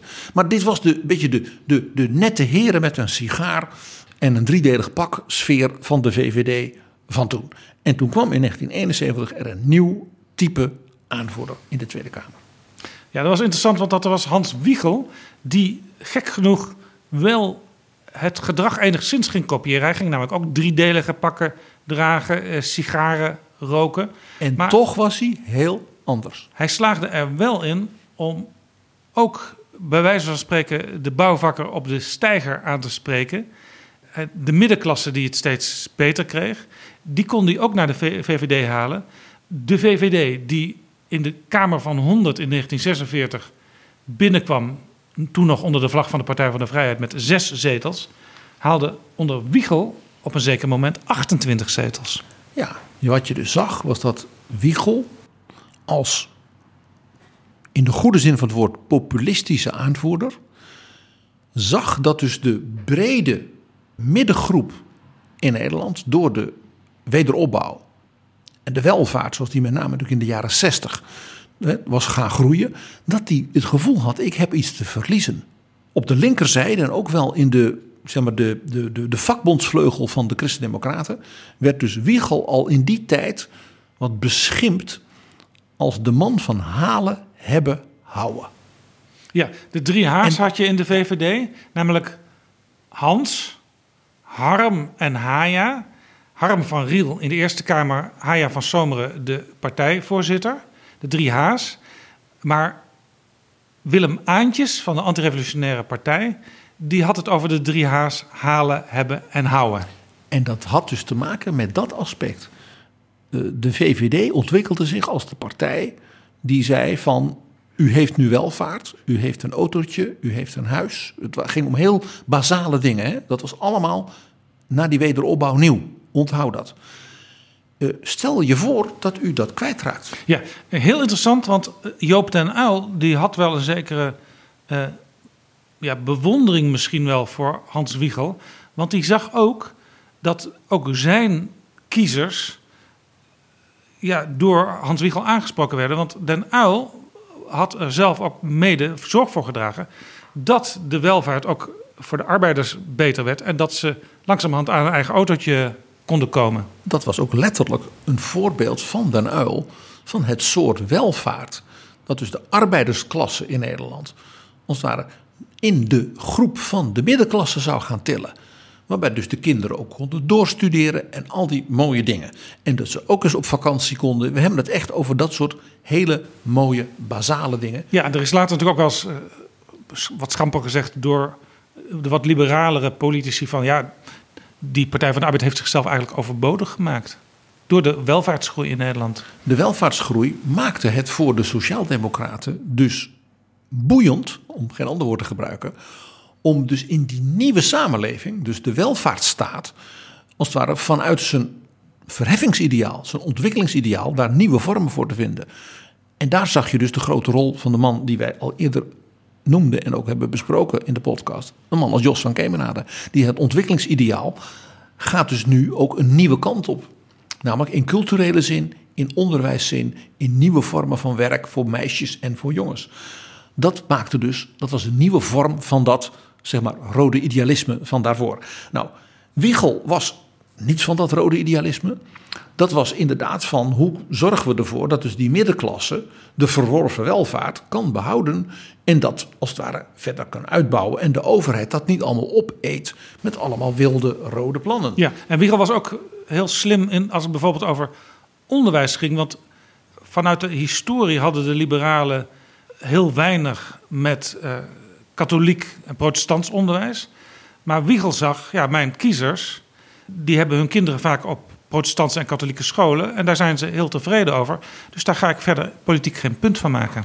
Nou, hij wilde die kiezers die zeggen vaak klassiek confessioneel stemde vanwege het belang van bijvoorbeeld het christelijk onderwijs, niet voor het hoofd stoten. En die zei: U kunt ook heel goed bij ons terecht, want wij zijn geen zeg maar, uh, Robespierre die uh, als het ware de christelijke organisaties willen bestrijden. Dat was dus ook meteen een reden voor sommige liberalen om de VVD te verlaten en naar D66 te gaan. Want die wilde dus wel die wat meer uh, polariserende liberale lijn. Wat ook wel heel interessant was, vind ik zelf altijd heel aardig, dat Wiegel ook op een andere manier dus de VVD cultureel veranderde. Het is een prachtig verhaal van hem dat hij als jong fractieleider van de Tweede Kamer dan wordt uitgenodigd door de ministers van de VVD in het kabinet Biesheuvel. En hij komt daar dan natuurlijk met de fractieleider van de Eerste Kamer, Harm van Ril. Dat was een echte klassieke, zeg maar, ouderwetse VVD'er. En toen was er het idee dat ze zouden gaan praten over wat doen die ministers en hoe gaan we als fracties daarmee om. Een stukje zeg maar afstemming binnen de coalitie. Ja. En Harm van Ril die zat erbij. En ik lees nu voor wat Hans Wiegel daarover vertelde. Er waren veel broodjes. En de bewindslieden legden de voortreffelijkheid van hun voornemens uit. Daarna keken ze ons aan. Konden wij daarmee instemmen? Ja, ik was jong, ik zat wat te schuifelen. Wat moest ik? Waarop Harm van Riel opstond en zei: Wat u vertelde is interessant. Uw broodjes waren lekker. We wensen u nog een prettige middag. Je ging niet met bewindslieden overleggen voordat ze bijvoorbeeld met een wetsvoorstel of met een beleidsnota of een brief kwamen. Dan ging je dat lezen en daarna ging je wel kijken. En voor Hans Wiegel was dit natuurlijk een hele interessante ervaring. Want Wiegel was natuurlijk, zeker in de tijd daarna, veel meer een man van monisme dan van dualisme. Ja, en vaak ook als je zelf minister bent of vicepremier, ja, dan wil je toch ook al dat die fractie niet uh, te ver uit het zicht verdwijnt. En zo is dat. Er was ook uh, een minister van Justitie in dat jaar, Dries van Acht. Ja, in dat kabinet Biesheuvel, hè, waarvan die liberale bewindslieden met die broodjes dan dachten dat ze overleg konden voeren, kwam voor de Katholieke Volkspartij een geheel nieuw iemand naar voren. Een jonge hoogleraar uit Nijmegen. En die werd minister van Justitie. En dat was Dries van Acht. En één ding was volkomen helder bij zijn aantreden. Dit was een hele aparte figuur. Die volstrekt niet geschikt was voor de Haagse politiek. En die waarschijnlijk na een kortstondig ministerschap onmiddellijk weer zou verdwijnen. En je zou nooit meer van hem horen. Die opvatting had overigens de heer Van Acht. Ik weet dat van hem persoonlijk ook zelf. Hij heeft mij een keer verteld hoe hij lid werd van dat kabinet. En Jaap, het is Dries van Acht ten voeten uit zoals hij dat vertelde. Hij zei, kijk, ik ben benaderd door het partijbestuur van de KVP. Of ik beschikbaar was als een nieuw gezicht voor dat kabinet. En dat kwam omdat de voorzitter van dat partijbestuur was Fons van der Stee. En Fons van der Stee was de voorzitter geweest van de studentensenaat van de Universiteit in Nijmegen. En Van Acht zat in dat bestuur. En Fons van der Stee was een groot bewonderaar van Van Acht al uit die tijd. Omdat Van Acht bij feestelijke gelegenheden de redenaar was. En jij begrijpt, Jaap, dat geloof jij onmiddellijk. En ieder, iedere luisteraar van Betrouwbare Bronnen die iets van Van Acht weet, die zal onmiddellijk denken: een feestreden kan natuurlijk niemand zo geweldig als Dries van Acht. Ja, ja. Dus die wist dat zijn vriend uit dat studentenbestuur nu heel jong al hoogleraar was in het recht. En heel veel publicaties had. En hij had de reputatie een enorme progressieve, vooruitstrevende denker te zijn over de verandering en vernieuwing van het recht. Nou, dus de voorzitter van de KVP, Fons van der Stee, die dacht: ik zoek een nieuw gezicht. Een jonge vent, dynamisch. Ik weet hoe goed hij is. Hij is professor. Die man die deugt. In de Kornhert-liga, dat was de vereniging van vooruitstrevende juristen, was hij een van de belangrijkste jonge vernieuwers. En dus werd hij gevraagd minister te worden. En Dries van Acht die heeft na heel veel nadenken gezegd, nou vooruit dan maar. En toen heeft hij ooit tegen mij gezegd, ja ze hebben mij gevraagd alleen maar omdat ik hoogleraar was. En die reputatie had. Ik was in de KVP van toen één oog in het land der blinden. Ik had geen eens een oog, maar dat zagen zij niet. en die Dries van Acht, die stond dus bekend als uh, vooruitstrevend, progressief. Dat maakte ook dat hij later vrij makkelijk ook vicepremier uh, kon worden in het kabinet Den Uil. En pas gaandeweg merkten ze daar dat Dries van Acht ook een uh, ander belangrijk aspect had in zijn daden en doen, namelijk heel veel relativeringsvermogen had hij. En zeer koppig. Laten we even luisteren naar Dries van Acht. Het is een, een gebeurtenis in een klein land, op een kleine planeet, in een groot heelal. Betekent allemaal niet zo geweldig veel. Dat was Dries van Acht. Van Acht heeft zelf altijd gezegd, ook tegen mij. Ik ben in die tijd, ten opzichte van die jonge, vooruitstrevende, ja, dynamische hoogleraar, ben ik eigenlijk niet veranderd. Het waren die anderen, en dat bedoelde hij met name het progressieven, die werden zo door hun polarisatiegeest, zo wat hij noemde fanatiek, dus niet relativerend, dat het leek dat ik rechtser werd. En zo zie je maar, iemand die plotseling opkwam en dacht: dit doe ik heel eventjes en dan ben ik weer weg. En de rest van de wereld dacht dat ook. Had nog een enorme toekomst voor zich in de politiek. Precies het tegenovergestelde gebeurde met Piet de Jong, premier de Jong. Ja, die nam in 1971 afscheid eigenlijk van de top van de Haagse politiek. Hij is, als ik mij goed herinner, daarna nog wel een tijdje senator geweest.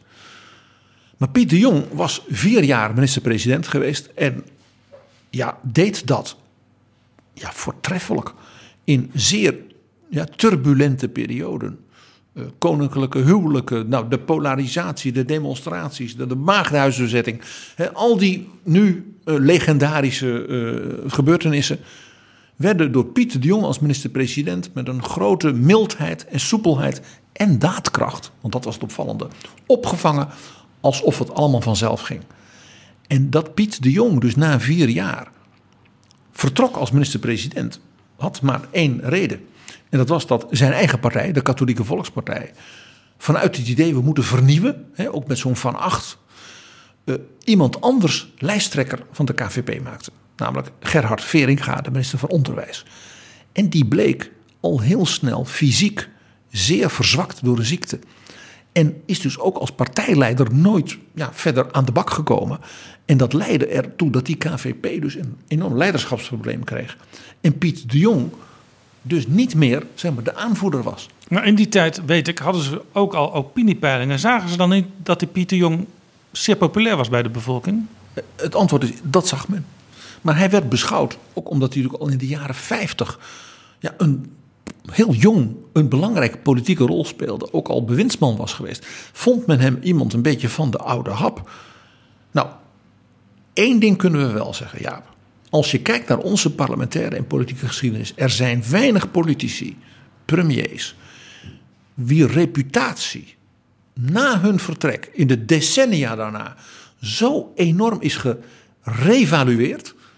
Als dus die reputatie van Piet de Jong. En dat is niet alleen omdat hij zo ongelooflijk oud werd en tot zijn laatste snik, hij is 101 geworden, zo'n leuke en hartelijke en interessante, intelligente man was. Men is achteraf gaan zien hoe heel goed hij als premier was. Hoe knap hij dat deed. Hoe ja, die combinatie van ontspannen en daadkrachtig, die zo bijzonder is als je dat kunt. Ik zeg altijd, hij is een beetje in onze geschiedenis. Hij is de Harry Truman van Nederland. Iemand die dus de aanvoerder is geweest van het land. In zijn tijd onvoldoende gewaardeerd en gezien. En pas veel later, en dat ook zelf nog heeft meegemaakt op hoog, hoog bejaard. Dus enorm her, hersteld in reputatie. Dit is Betrouwbare Bronnen, een podcast met betrouwbare bronnen.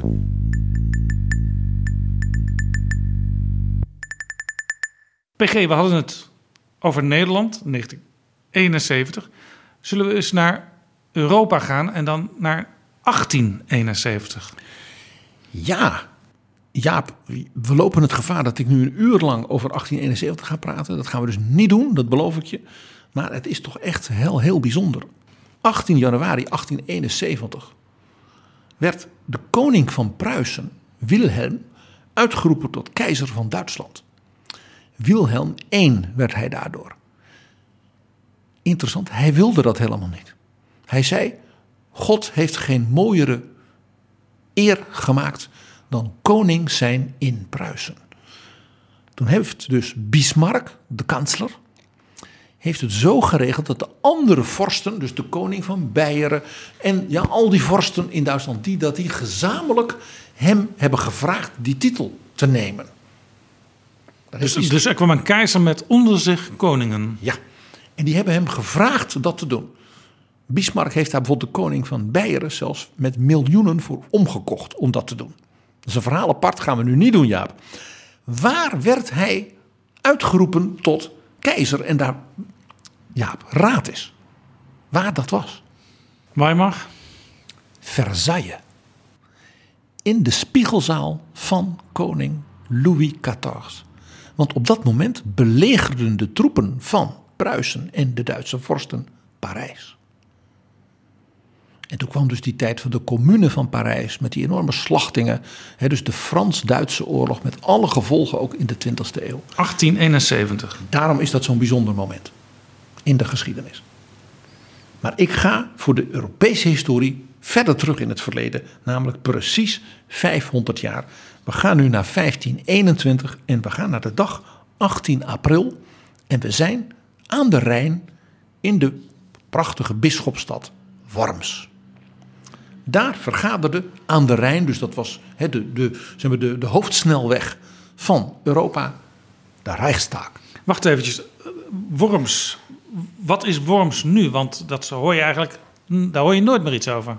Is nu zo'n stad aan de Rijn, zoals Speyer, met die prachtige grote kathedralen uit de middeleeuwen. En nu snap je waarom.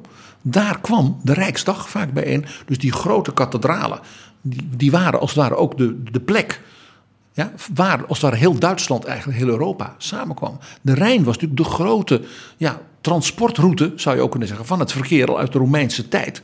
Van zuid naar noord. 1521 was een belangrijke reistaak, want daar kwam voor het eerst in vol ornaat de nieuwe jonge keizer. Karel, ook koning van Spanje, een Habsburger we hebben het al vaker in betrouwbare bronnen over hem gehad. De koning van Spanje, die ik altijd heb geëerd. Dat was deze, Karel, die wij kennen als Karel V. Die was toen net 20. En had een enorm probleem. Dus hij stond meteen voor een, een van de grootste uitdagingen van zijn keizerschap van Duitsland. En Duitsland was toen niet het Duitsland van nu. Hè. Dat was Noord-Italië, dat was grote delen van Oost-Europa. Dat was uh, wat wij nu Oostenrijk noemen, dat was de Nederlanden. Dat was een enorm multicultureel, multi-etnisch, ja, veeltalig imperium. En wat was het grote probleem? Er was een grote discussie binnen de kerk. En er dreigde een scheuring in de kerk. Want een groep intellectuelen zei: de kerk moet worden hervormd. Die moet ja, minder corrupt, minder machtsbelust. Het moet eenvoudiger. Het moet dichter bij de gelovigen. Dat was uh, Luther? Het was de, de monnik Maarten Luther die de grote aanvoerder van die hervormingsbeweging was. Die zei ook, we zijn nu in een tijd, hè, de boekdrukkunst was uitgevonden, dat iedere gelovige kan de Bijbel lezen. Het feit dat dat niet mag van de kerk, dat dat in het Latijn moet. Nee, iedere gelovige moet dat zelf kunnen doen. Dus er was een vorm van democratisering. En ook een vorm van, je zou bijna kunnen zeggen, commercialisering hè, met de boekdrukkunst van de informatie en dus ook van de discussie over het geloof. En de keizer, ja, die ging daarover. Dus wat doet de keizer? Die zegt: alle vorsten komt naar Worms. De paus stuurde zijn allerbeste debaters van zijn intellectuelen naar Worms. En de keizer nodigde dus Maarten Luther uit om zijn pleidooi te houden. Hij zegt: leg mij nou uit wat u wilt, beste monnik. En wij zullen daar dan goed naar u luisteren. Ik laat u de paus ook antwoorden. U krijgt ook kritiek. En dan gaan we kijken of we daar goed samen uit kunnen komen. En 18 april is dus de dag dat deze eenvoudige monnik dus de Rijksdag mocht toespreken. Dat was wel heel bijzonder. Maar het was dus niet zo dat de keizer automatisch de kant van de paus koos. De keizer, hoe jong of hij was, was goed opgeleid en begreep, dat was overigens door zijn grootvader Maximiliaan, en die begreep dat hij dus al die vorsten bij elkaar moest brengen. Ook al die kloosters, die steden, dat vormde de Rijksdag. En een aanzienlijk deel van die vorsten sympathiseerde zeer met Luther.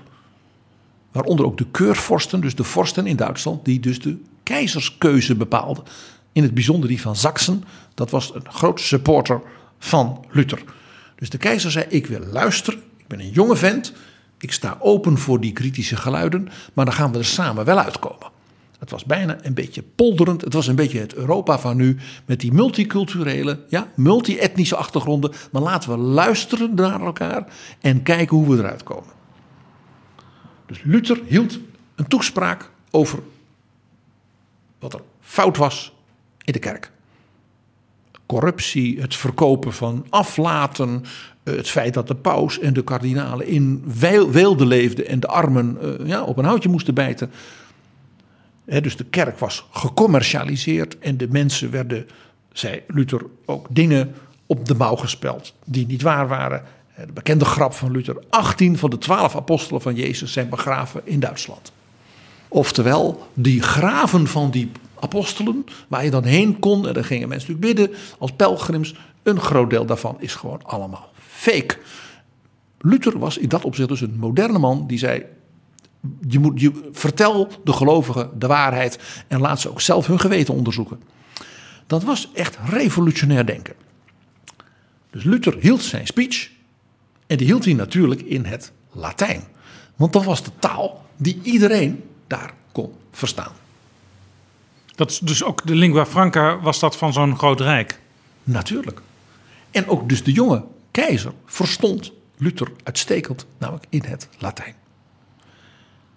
En beroemd is natuurlijk het slot van Luthers toespraak, die ging de geschiedenis in. Die hij overigens zelf in het Duits meteen heeft vertaald en verspreid. Hij was een moderne, wij nu zouden zeggen, mediaster. En die woorden die klinken als volgt. Das Wort sollen sie lassen staan. Hier stehe ich, ich kann nicht anders. Gott helfe mir. Amen. Dus het woord moet u laten staan. En dat woord, hij bedoelde wat ik hier gezegd heb dat staat hè, als een huis. Maar das woord betekent natuurlijk ook, het is een hele mooi slot. Dat woord is ook het woord voor het evangelie. Het woord van God moet u laten staan. En daarom, ik kan niet anders.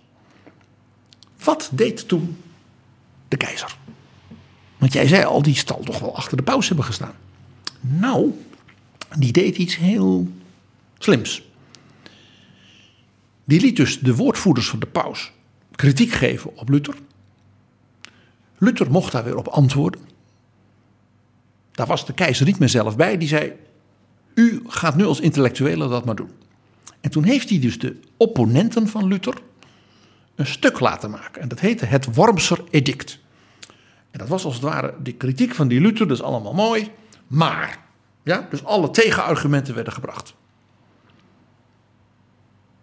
En toen zei hij: Nou, ga maar bij dus die vorst van Saxen en bij de steden. En ga maar lobbyen, zouden wij nu zeggen. Je hoort hoe modern het is. Het is alsof de Ursula von der Leyen ja, in het Europese parlement moet zorgen voor voldoende steun voor haar voorstellen. 500 jaar geleden dus. Ja. En ook toen dus multinationaal. En de keizer krijgt van zijn lobbyisten een hele duidelijke boodschap mee. Er is veel steun, majesteit. Ja, men vindt het verstandig wat u zegt.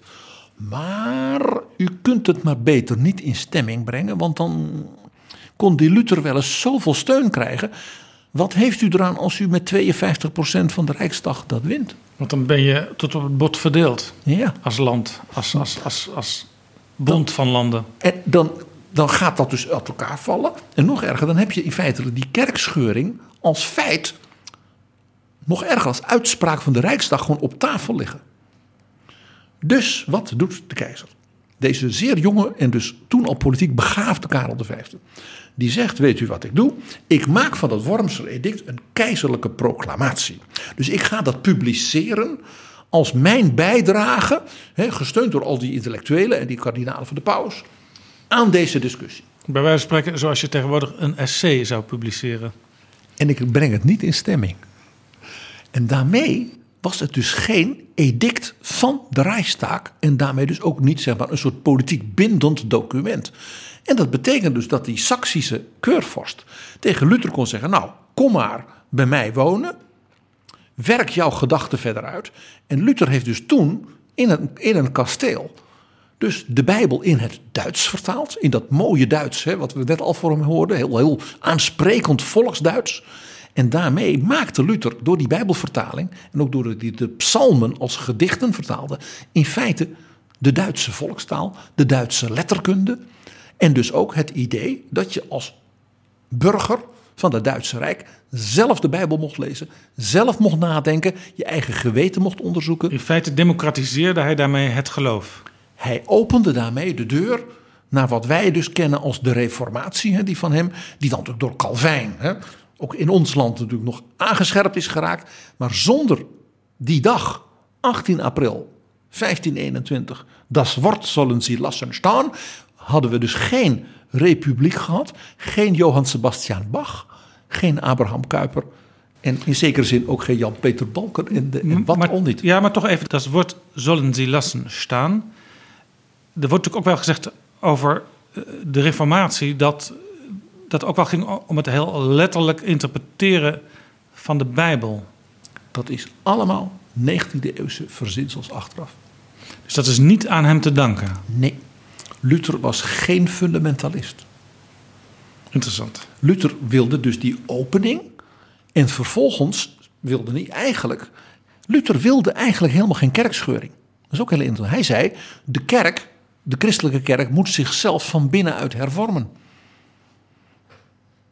Die moet dus bijvoorbeeld, dus die moet weer eenvoudig worden. Ik ga iets heel gek zeggen. Het is geen toeval dat Paus Franciscus openlijk heeft kenbaar gemaakt dat hij een bewonderaar is van Maarten Luther.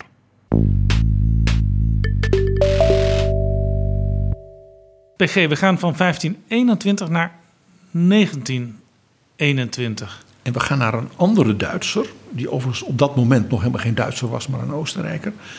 Zeker zo beroemd als Maarten Luther in de geschiedenis. Ja, maar misschien, toch wat, misschien toch wat, een wat minder, laat ik zeggen, aansprekende persoonlijkheid. Ja, we, we praten de luisteraar begrijpt het over de kunstschilder Adolf Hitler.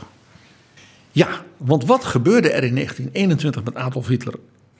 En dat is iets wat, ik durf het bijna te zeggen, geen luisteraar van Betrouwbare Bronnen zeg maar, direct weet. Hij stapte toen uit zijn partij, hij verliet de NSDAP. Ja. Hij zei, ik stop erbij. De Nationaal-Socialistische Deutsche Arbeiterpartij. En het is toch eigenlijk een verhaal wat ik nu ga vertellen dat helemaal zou passen in een boek van Chris Alberts met wie wij onlangs spraken. Maar dan de Chris Alberts van het München van zeg maar 1920, een soort collega in de journalistiek van Thomas Mann.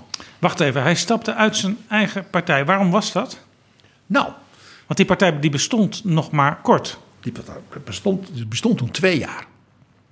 En hij was een van de jonge, aansprekende figuren die als spreker toen al zalen kon begeesteren.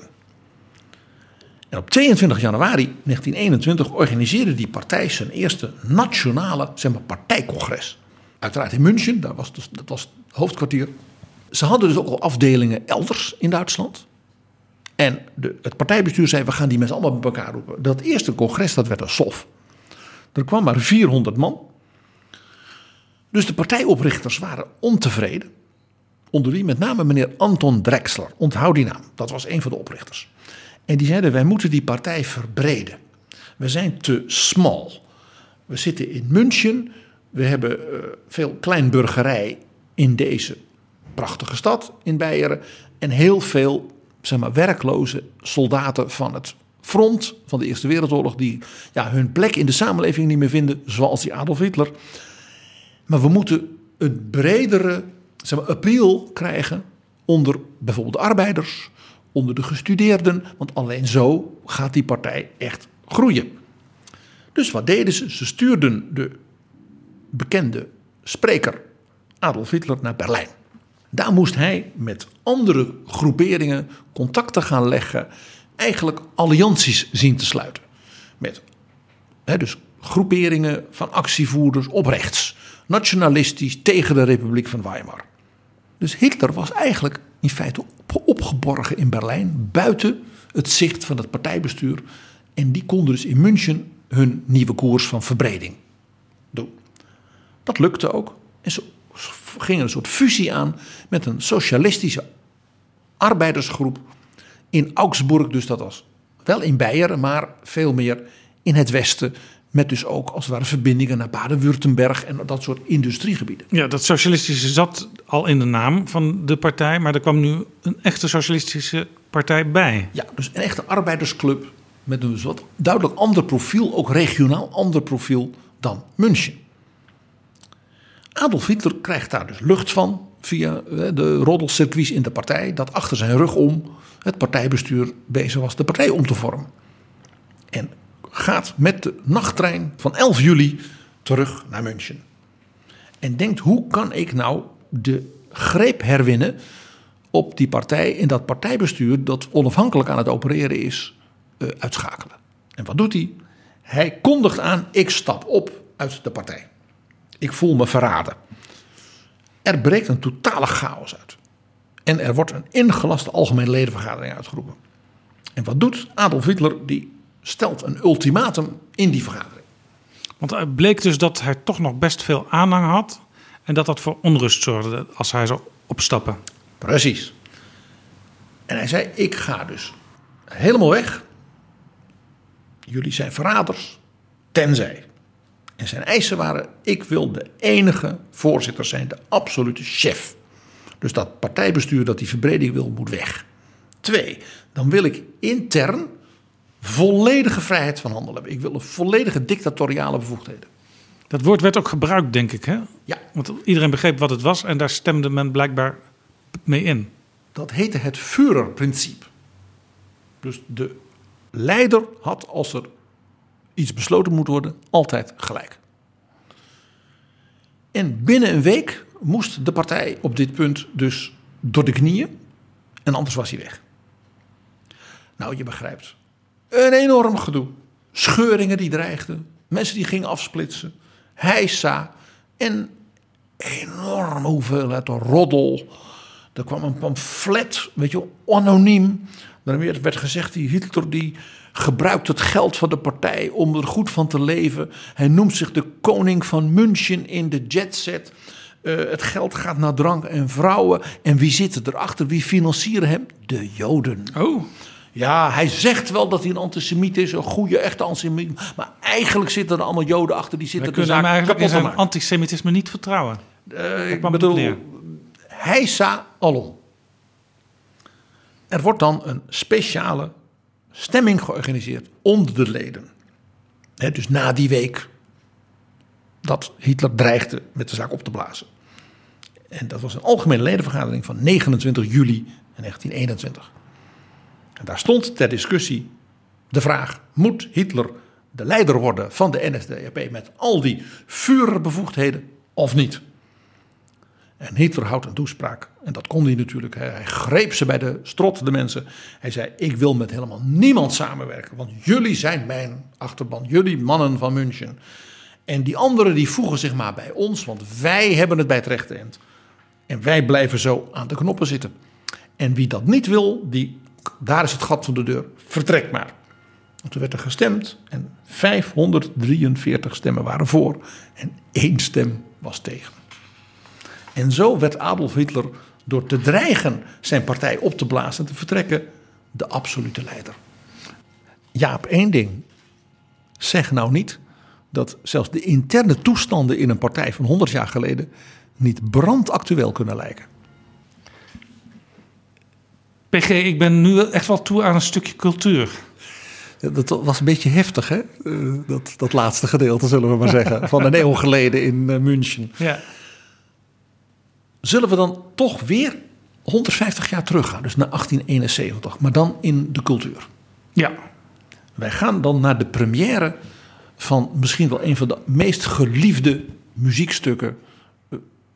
Eh, Een stuk dat ook nog overal in de hele wereld wordt uitgevoerd. En wat heel veel mensen kennen, zelfs van, ik zal maar zeggen, eh, sportwedstrijden en andere vrolijke muziekmomenten. En dat is de opera Aida van Giuseppe Verdi. Ja, ik heb eh, tenminste één keer die opera echt zien spelen. En zelfs met, met echte olifanten erbij. Het is een opera die door het verhaal en de ensenering, eh, laat zeggen, de, in de hele wereld vaak met enorme openluchtvoorstellingen en dergelijke wordt gedaan. ik heb daar op zich niks op tegen.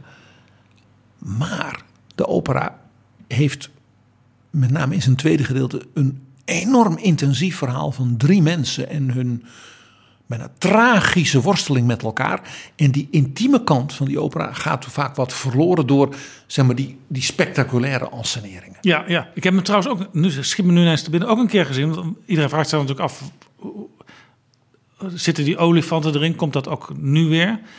En op een bepaald moment, er waren dus geen echte olifanten, bleek op een gegeven moment, uh, liep er een klein meisje uh, over het toneel eigenlijk door het middenpad, want het publiek zat er een beetje omheen. Met een, op wieltjes een speelgoedolifantje achter zich aan. Vast een hele moderne regisseur. Nou, deze opera is, omdat hij zo ongelooflijk geliefd is, kent dan, zoals in de kunst vaker, alle mogelijke, ik zal maar zeggen, legendevorming. Leuk voorbeeld. Uh, het verhaal gaat altijd dat deze opera geschreven is als opdrachtwerk door Giuseppe Verdi om de opening van het Suezkanaal te vieren. Alleen dat was in 1869. En de opdracht voor deze opera kwam pas in 1870. Dus, dus dat, bewijst al dat het niet waar is. Nee. Het is wel waar dat dus, de Khedive, dus de koning van Egypte, dat die Verdi om een opera heeft gevraagd die zou spelen in het oude Egypte. Toen heeft hij dus een libretto dat er al was gebruikt. Waarom was dat? Hij wilde in de stad Cairo, dus zijn hoofdstad, een nieuw operahuis openen. En daarvoor wilde hij natuurlijk een nieuw werk van de toonaangevende moderne componist van zijn tijd. En dat was Giuseppe Verdi. En zo kwam dus dit Egyptische stuk, als het ware, op papier vanuit het libretto. En bedacht Verdi dat stuk. En de première zou dus zijn in Cairo. Je raadt het al, dat ging niet door.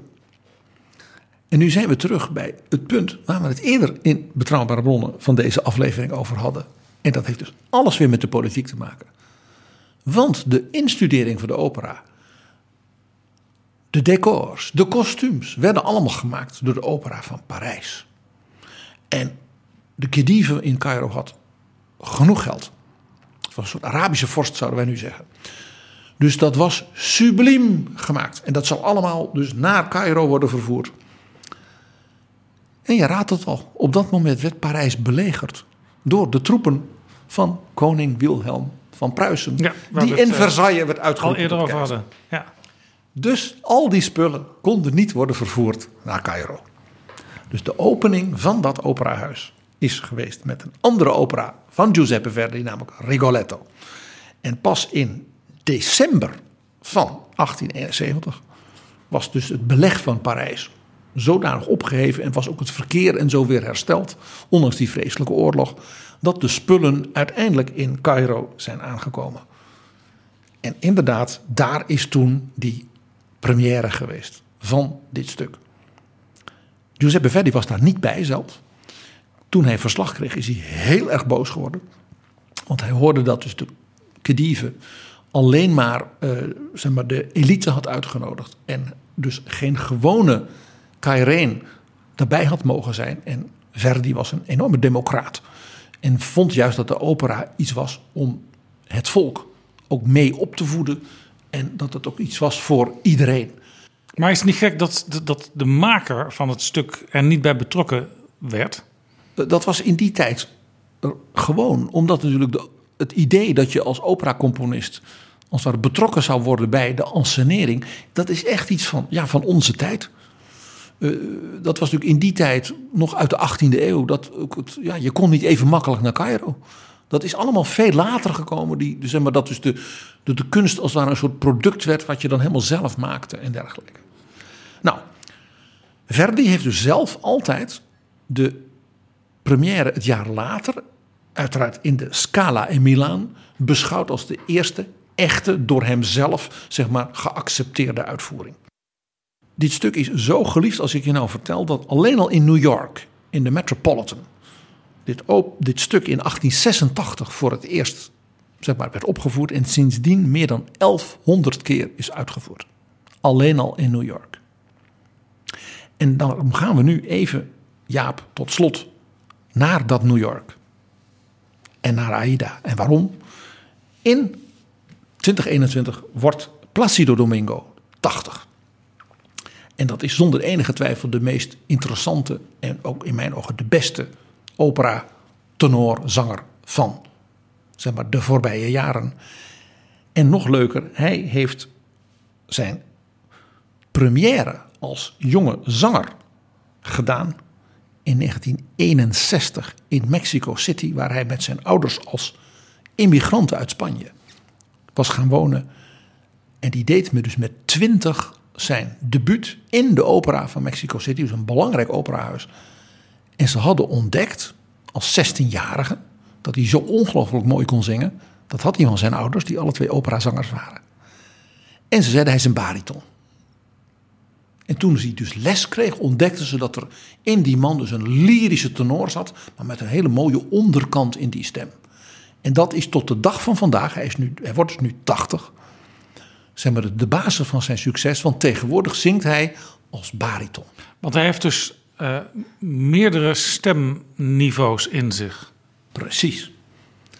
En heel bijzonder van Domingo is, het is een ongelooflijke leergierige zanger. Dus niet een luie zanger. Hij heeft meer dan 150 verschillende rollen. Dus niet alleen lyrische tenor. Maar toen dus die stem kracht kreeg. Hè, zeg maar, eigenlijk na zijn 45ste kwam er een soort tweede Domingo. Namelijk de heldentenor. Die ook grote Wagner-rollen kon zingen. Omdat hij dus de kracht had. De lyrische schoonheid aan de bovenkant. En die stevigheid van de jonge bariton van 16. Die zat er ook nog onder. En nu als oude man zingt hij dus karakterrollen als bariton. En dat doet hij ook als groot acteur, want dat is ook heel bijzonder voor hem. Heel bijzonder. Dus laten we hem laten horen als Radames, dat is de jonge held in de opera Aida van Verdi. En dat zingt hij in 1989 op de toppen van zijn stem in New York, een van die 1100 voorstellingen. En hij zingt met Aprile Millo, je hoort al een Italiaanse sopraan, die is zijn tragische geliefde Aida. Dat is een prinses uit Ethiopië, maar die is slavin van de dochter van Farao. Maar hij, de jonge generaal en deze slavin zijn natuurlijk verliefd. En die prinses is natuurlijk weer verliefd op hem. Je ziet al de driehoeksverhouding waar dit hele stel kapot aan gaat. Aan het eind sterven Aida en haar geliefde Radames. Wij luisteren naar Placido Domingo.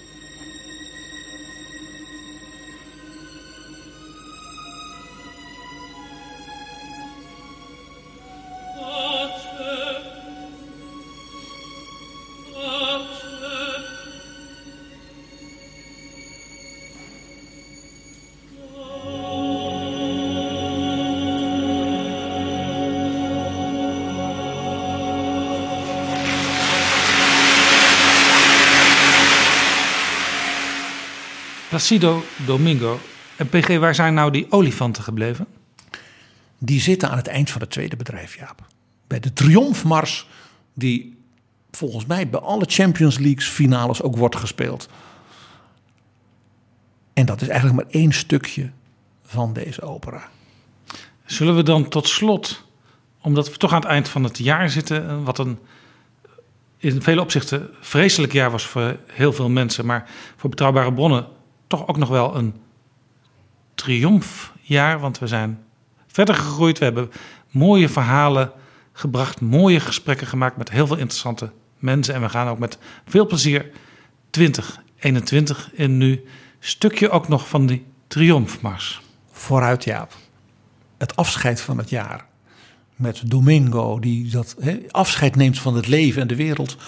En daarna het optimisme van de overwinning van de farao van Memphis.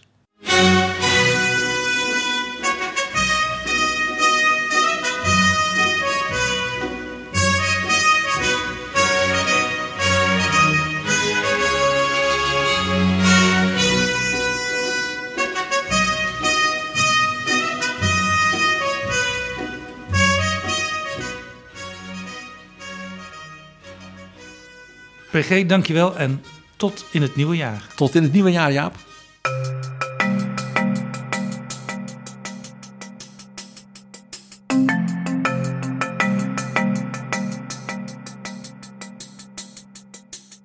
Zo, dit was Betrouwbare Bronnen, aflevering 157. Deze aflevering is mede mogelijk gemaakt door We Nederland. We zoeken nieuwe sponsors voor Betrouwbare Bronnen. Als je Betrouwbare Bronnen mede mogelijk wil maken, neem dan contact op met Flip Kilian Adams door een mailtje te sturen aan flipapenstaartdagennacht.nl. Zijn adres staat ook in de beschrijving van deze show. Sponsors zorgen voor stevige steun, maar we zijn ook heel blij met je donatie als vriend van de show via vriendvandeshow.nl/bb. Als je je daar nu nog snel aanmeldt, dan ding je bovendien mee naar een van de vijf exemplaren van het nieuwe boek van PG die we onder de vrienden van de show verloten. En voor nu, tot in het nieuwe jaar. Betrouwbare bronnen wordt gemaakt door Jaap Jansen in samenwerking met dag en nacht.nl.